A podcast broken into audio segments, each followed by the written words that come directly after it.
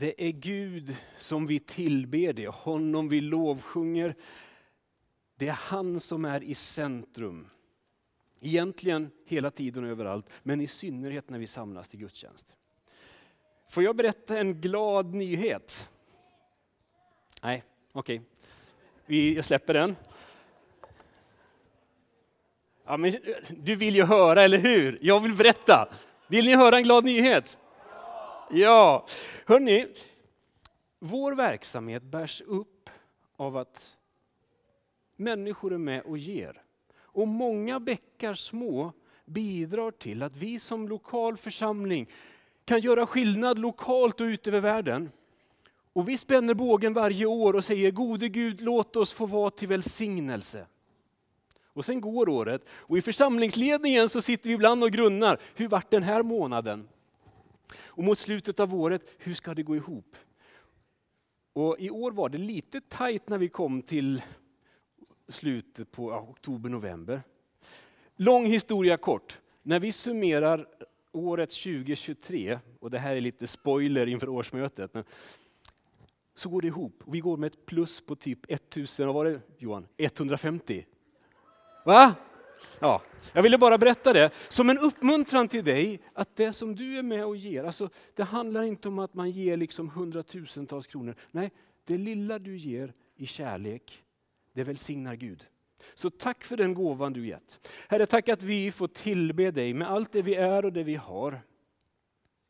Och vi får lovsjunga dig för den du är och det du har gjort. Och så ber vi att det vi har samlat in idag och kommer att samla in av ekonomiska resurser det här året, att det fick bli till välsignelse för människor som bor i Norrköping, barn, ungdomar, vuxna och äldre, men också ut över världen där vi har missionsåtaganden. Tack att vi får finnas i det som är ditt rike och din församling. Amen. Amen. Innan jag tar er med in i dagens predikan så vill jag också den här söndagen påminna om det som några av er har hört om, nämligen en samtalskurs. En serie kvällar, åtta stycken, på temat att söka och finna livsmod. WHO, alltså FNs världs, världshälsoorganisationen inom FN, det är ingen kyrka utan de säger att det behövs mer än att bara täcka sina basala behov för att leva ett gott liv.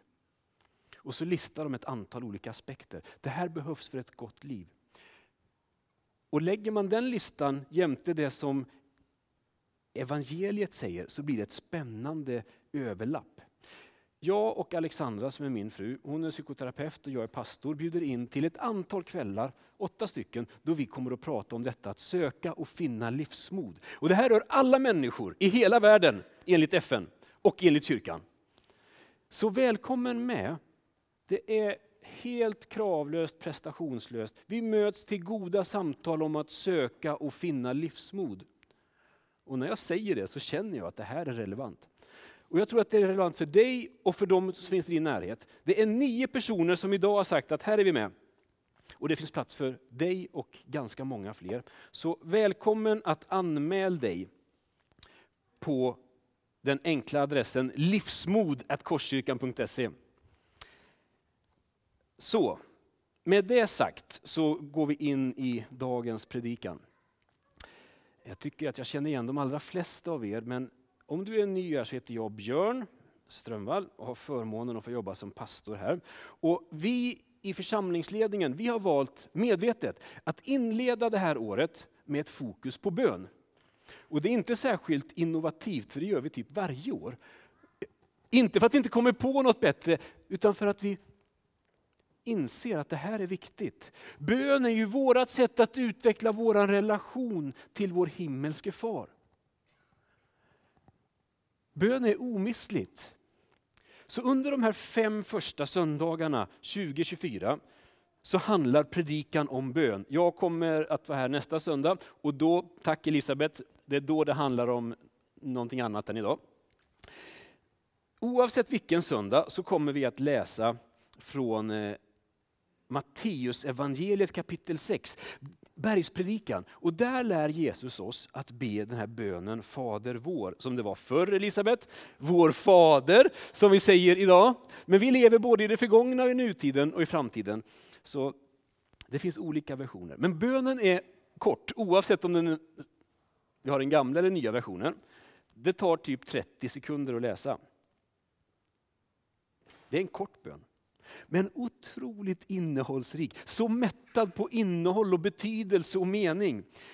Och den förenar ju oss. Baptister och katoliker, pingstvänner och anglikaner. Alla ber vi den här bönen. Och anglikanska kyrkans ärkebiskop han sa så här vid något tillfälle. Att Herrens bön den är så enkel att små barn kan lära sig den utan till.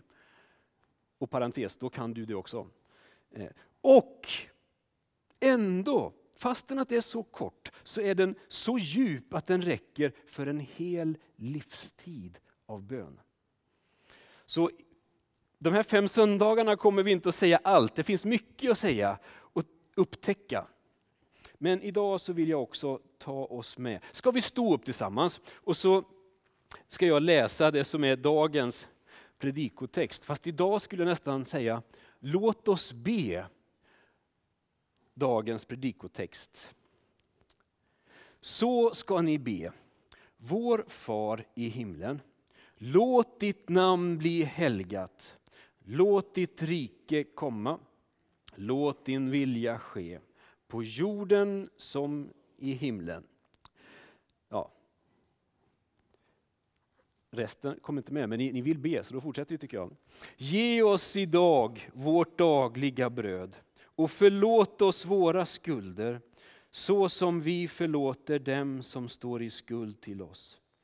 Och utsätt oss inte för prövning utan rädda oss från det onda.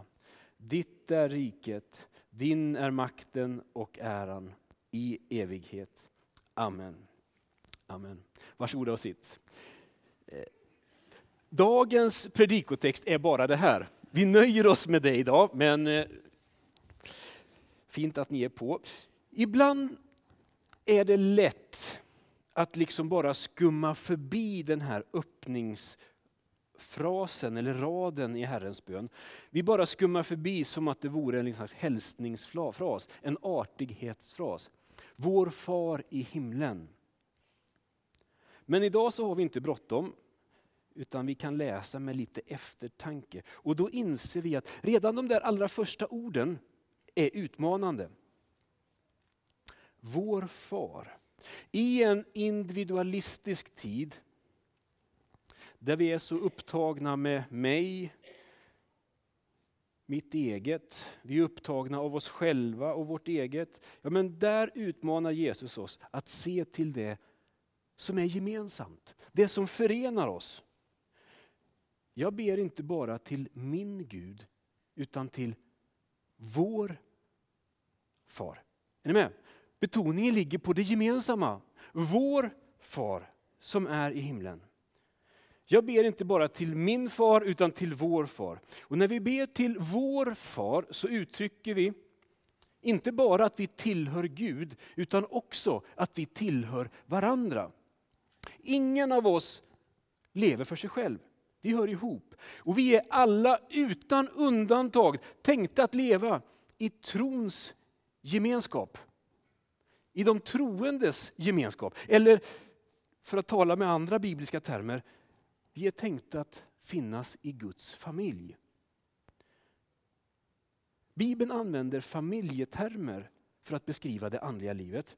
Gud är vår far och vi är Guds barn.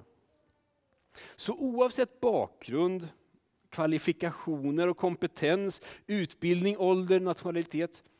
Oavsett allt det så hör vi ihop som Guds älskade barn. Det har vi gemensamt. Det förenar oss, oavsett om vi vill det eller inte. Gud är vår far. Och tillsammans är vi Guds familj. Och när vi ber så ber vi till vår far. Och vi tar ju de här orden de passerar så lätt och vi tar dem så lätt för givet. Men egentligen så är ju det Jesus säger både radikalt och omvälvande. Han ber inte, han säger inte så här, så ska ni be, vår Gud. Nej, inte vår Gud. Han säger, när ni ber, då ska ni be vår far. Jesus talar inte om Gud som en diffus och opersonlig skaparkraft, utan som vår far. Gud är en god far som älskar sina barn. Det är vår far. Och Jesus själv, när vi läser om honom i evangelierna, då blir det så tydligt att han relaterar till Gud i himlen som sin far. Och så bjuder han in oss att göra likadant. Jesus, han agerar, han talar i evangelierna. Men vid två tillfällen, om jag kommer ihåg rätt, det är vid Jesu dop och på förklaringsberget, så är det som att vår far i himlen liksom inte kan bärga sig. Han kan inte hålla tyst. Det liksom bara bubblar över i hjärtat och han utbrister. Och vid dopet och på förklaringsberget så säger han samma sak. Faderns röst den hörs. Och han säger om Jesus, du är min älskade son. I dig har jag min glädje. Jesus är Guds älskade son och han talar till Gud som sin far. Och så talar han om för oss att vi också får relatera till Gud som vår himmelske far. Du är hans älskade barn. Det här återkommer på många ställen och på olika sätt. I liknelsen om den förlorade sonen så betonar ju Jesus att den Gud som vi ber till, vår far, han är som en far som kommer springande emot oss med öppna armar när vi närmar oss honom. Han möter oss med öppna armar var vi än har varit och vad vi än har gjort. Och gång på gång så intygar Jesus att Bibelns Gud, Israels helige, skaparen som uppehåller allt, han är, kan vi få en trumvirvel Tony? Han är vår far. Och när Jesus talar om vår himmelske far så betonar han och lyfter fram två saker. Han säger att vår himmelske far gillar dig. Gillar oss. Vi är hans älskade barn. Och så säger han att vår himmelske far har omsorg om dig, bryr sig om dig och vill dig väl. Jesus säger, om nu ni som är onda, Ingen räckte upp handen, men om nu ni, säger Jesus, som är onda, förstår att ge goda gåvor till era barn, ja, hur mycket mer ska då inte er far i himlen ge det som är gott till dem som ber honom? Gud vill dig väl.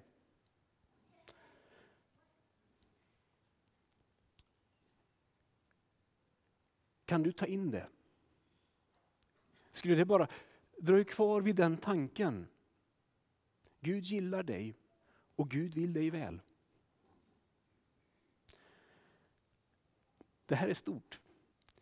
Bibelns Gud, skaparen av hela kosmos, är intresserad av dig och vill dig väl och längtar efter dig som en pappa efter sitt barn.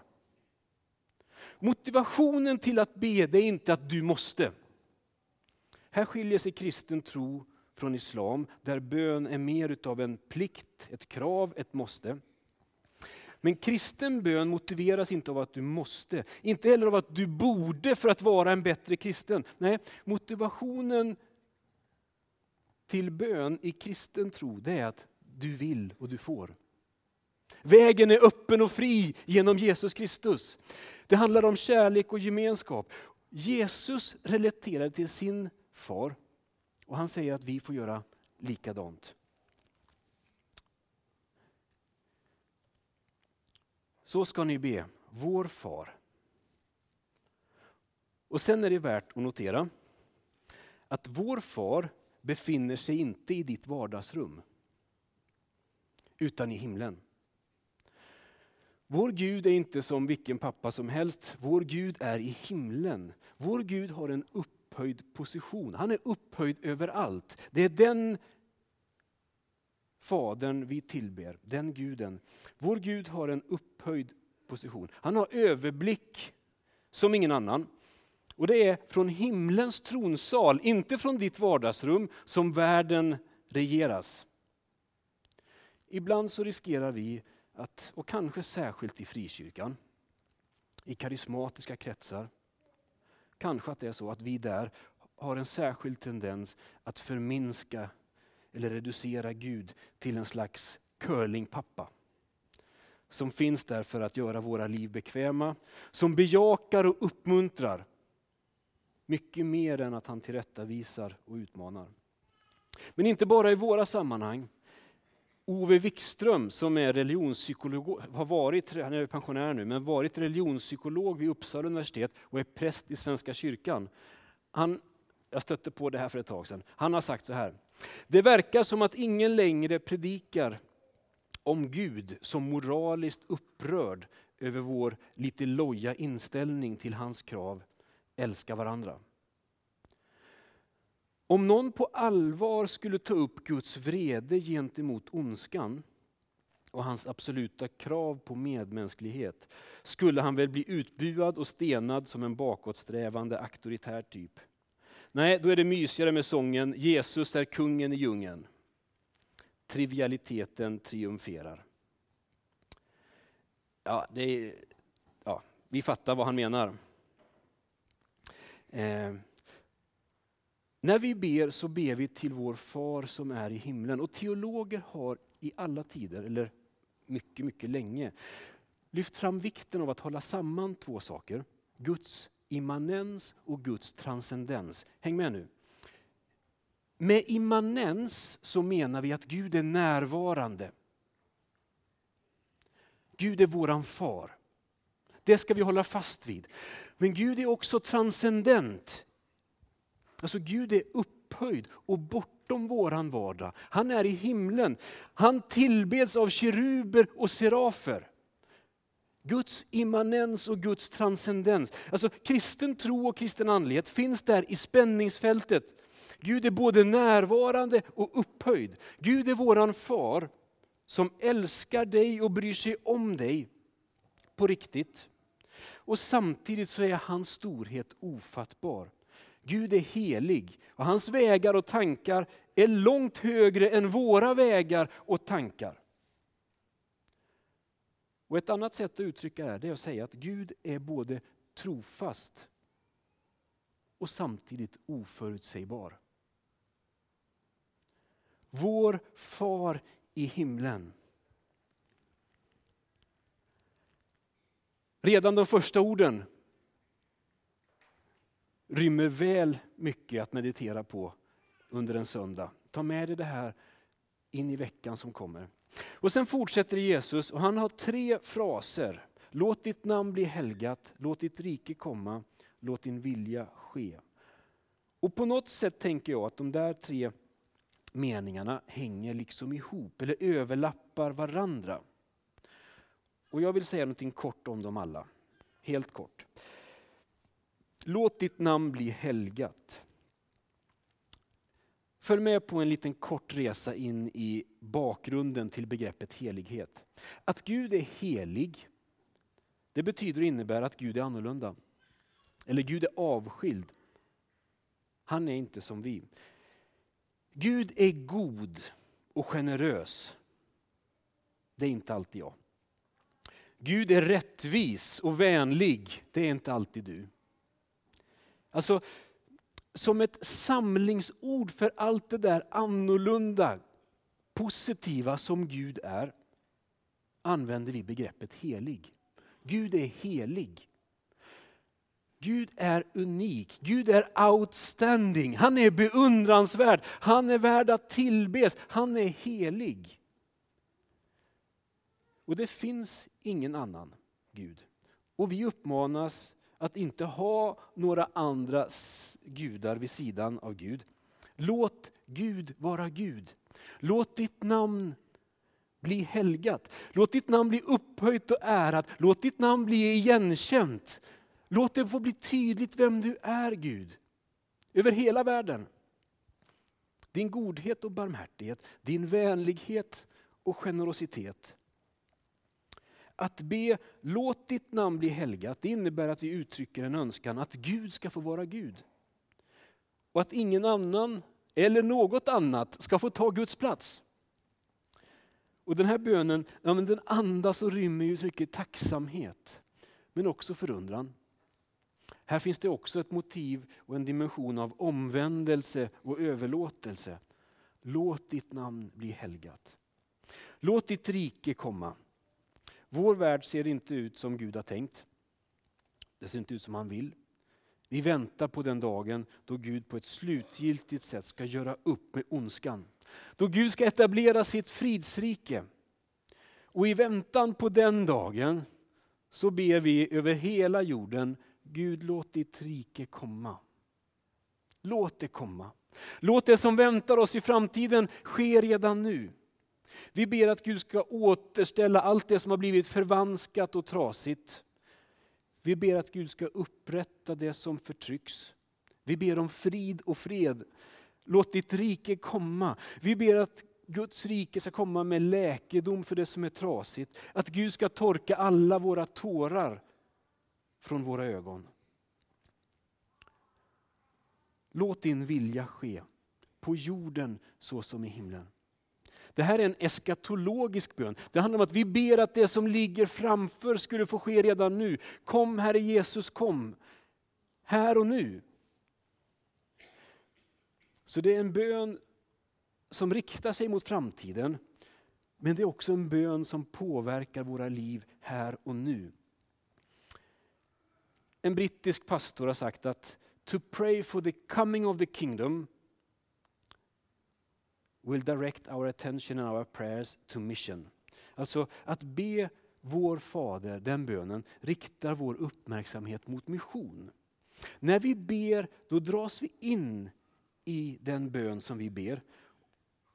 Och bön och handling hänger ihop. När Jesus levde så bad han och så agerade han. Hans böner de kom till uttryck i det liv som han levde. Hans handlande ligger helt i linje med hans bedjande. Och Den här bönen som Jesus lärde sina lärjungar att be, den präglade hans sätt att be. Du kan nästan lägga den vid ena sidan och sen läsa evangelierna och se hur, hur levde Jesus? Jo, men det matchar ju det sättet som han bad och som han lärde oss att be. Och Jesu bön och hans liv har inspirerat troende människor i alla tider. Och en av dem är Dag Hammarskjöld. Han är lite aktuell just nu för att det kom var en ny film som var premiär, för, eh, som var premiär här i juldagarna som handlar om honom. Dag Hammarskjöld var svensk. Han var nationalekonom och så var han under period tjänsteman både vid eh, eh, Riksbanken och vid Utrikesdepartementet.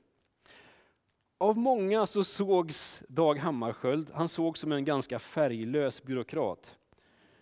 Men det skulle visa sig att han också var en man med stark integritet och handlingskraft. Han kom att bli en ledare som det inte gick att muta, hota eller manipulera. Vid 48 års ålder så utsågs han, och några av er kan ju den här storyn. Han utsågs oväntat till att bli FNs generalsekreterare. Ingen såg det komma. Han var inte toppvalet från början. Men efter en lång historia, en lång historia ledde fram till det i alla fall. Och många menar att han blev en av FNs kanske mest dynamiska generalsekreterare. Vad många inte heller visste, det var hur viktig den kristna tron var för Dag Hammarskjöld. Efter hans död så hittade man i hans lägenhet ett manuskript, en text.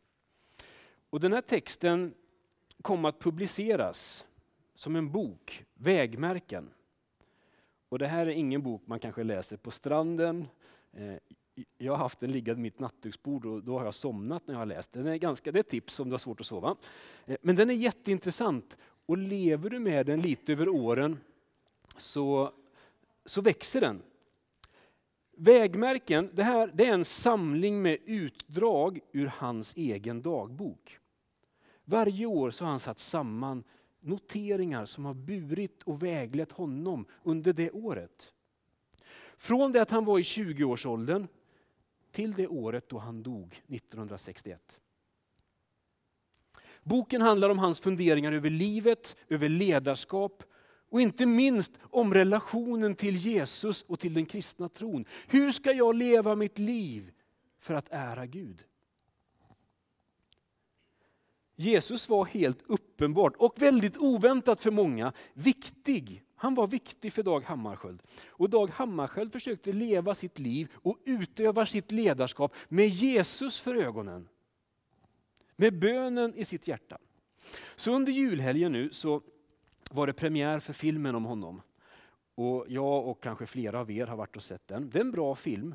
När jag såg den då slogs jag av någonting som jag har tänkt på tidigare. Och det är, tänk vad svårt det är att skildra personlig tro.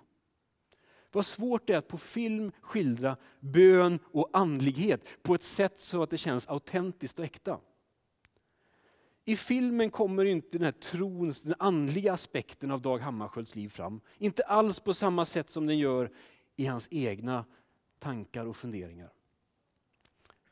För Dag så var Jesus och Bibeln vägledande. Inte minst då förekommer bönen Vår Fader, eller ja, Fader vår, flera gånger.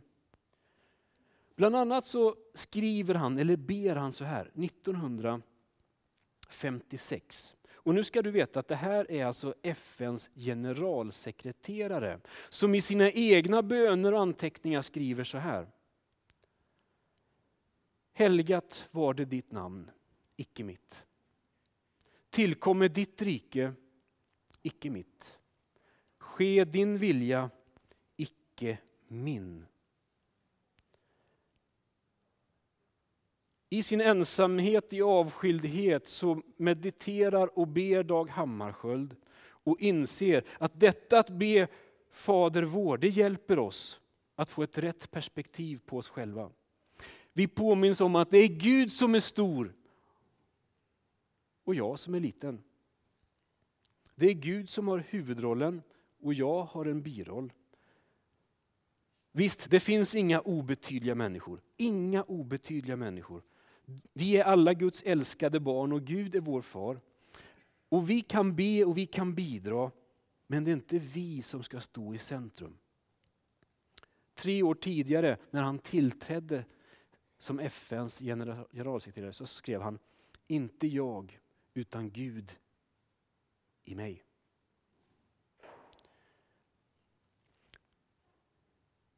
Den kristna tron var ingenting som Dag Hammarskjöld talade högt om. Det vågade man inte riktigt som troende på 60-talet i Sverige. Men han kom att få betyda mycket för många. Dag Hammarskjöld var ingen teolog, han var ingen pastor, ingen kyrkoledare. Men han försökte att leva sitt liv nära Jesus, att hålla blicken fäst på honom. Och att hålla blicken fäst på Jesus det kan man göra på många sätt. Och ett sätt det är att be bönen som Jesus lärde oss att be. Och min lilla utmaning till dig det är, tänk om du den här veckan som kommer skulle stava dig igenom bönen Vår Fader varje morgon. Eller varje kväll. Och kanske någon ska våga sig på att göra det både morgon och kväll. Ibland har jag hört sägas att vi läser. Låt oss läsa Fader vår. Men jag tänker att när vi möts i kyrkan, då läser vi inte. Då ber vi. Och Det finns en skillnad mellan att läsa något och att be något. En skillnad som har att göra var mitt hjärta finns med. Så nu när jag ska sluta den här predikan så skulle jag vilja inbjuda dig, inte att läsa, men att be de strofer som vi idag har läst tillsammans. Så be gärna med. Och vi ber tillsammans. Far i himlen. Låt ditt namn bli helgat. Låt ditt rike komma. Låt din vilja ske. på jorden som i himlen. Amen.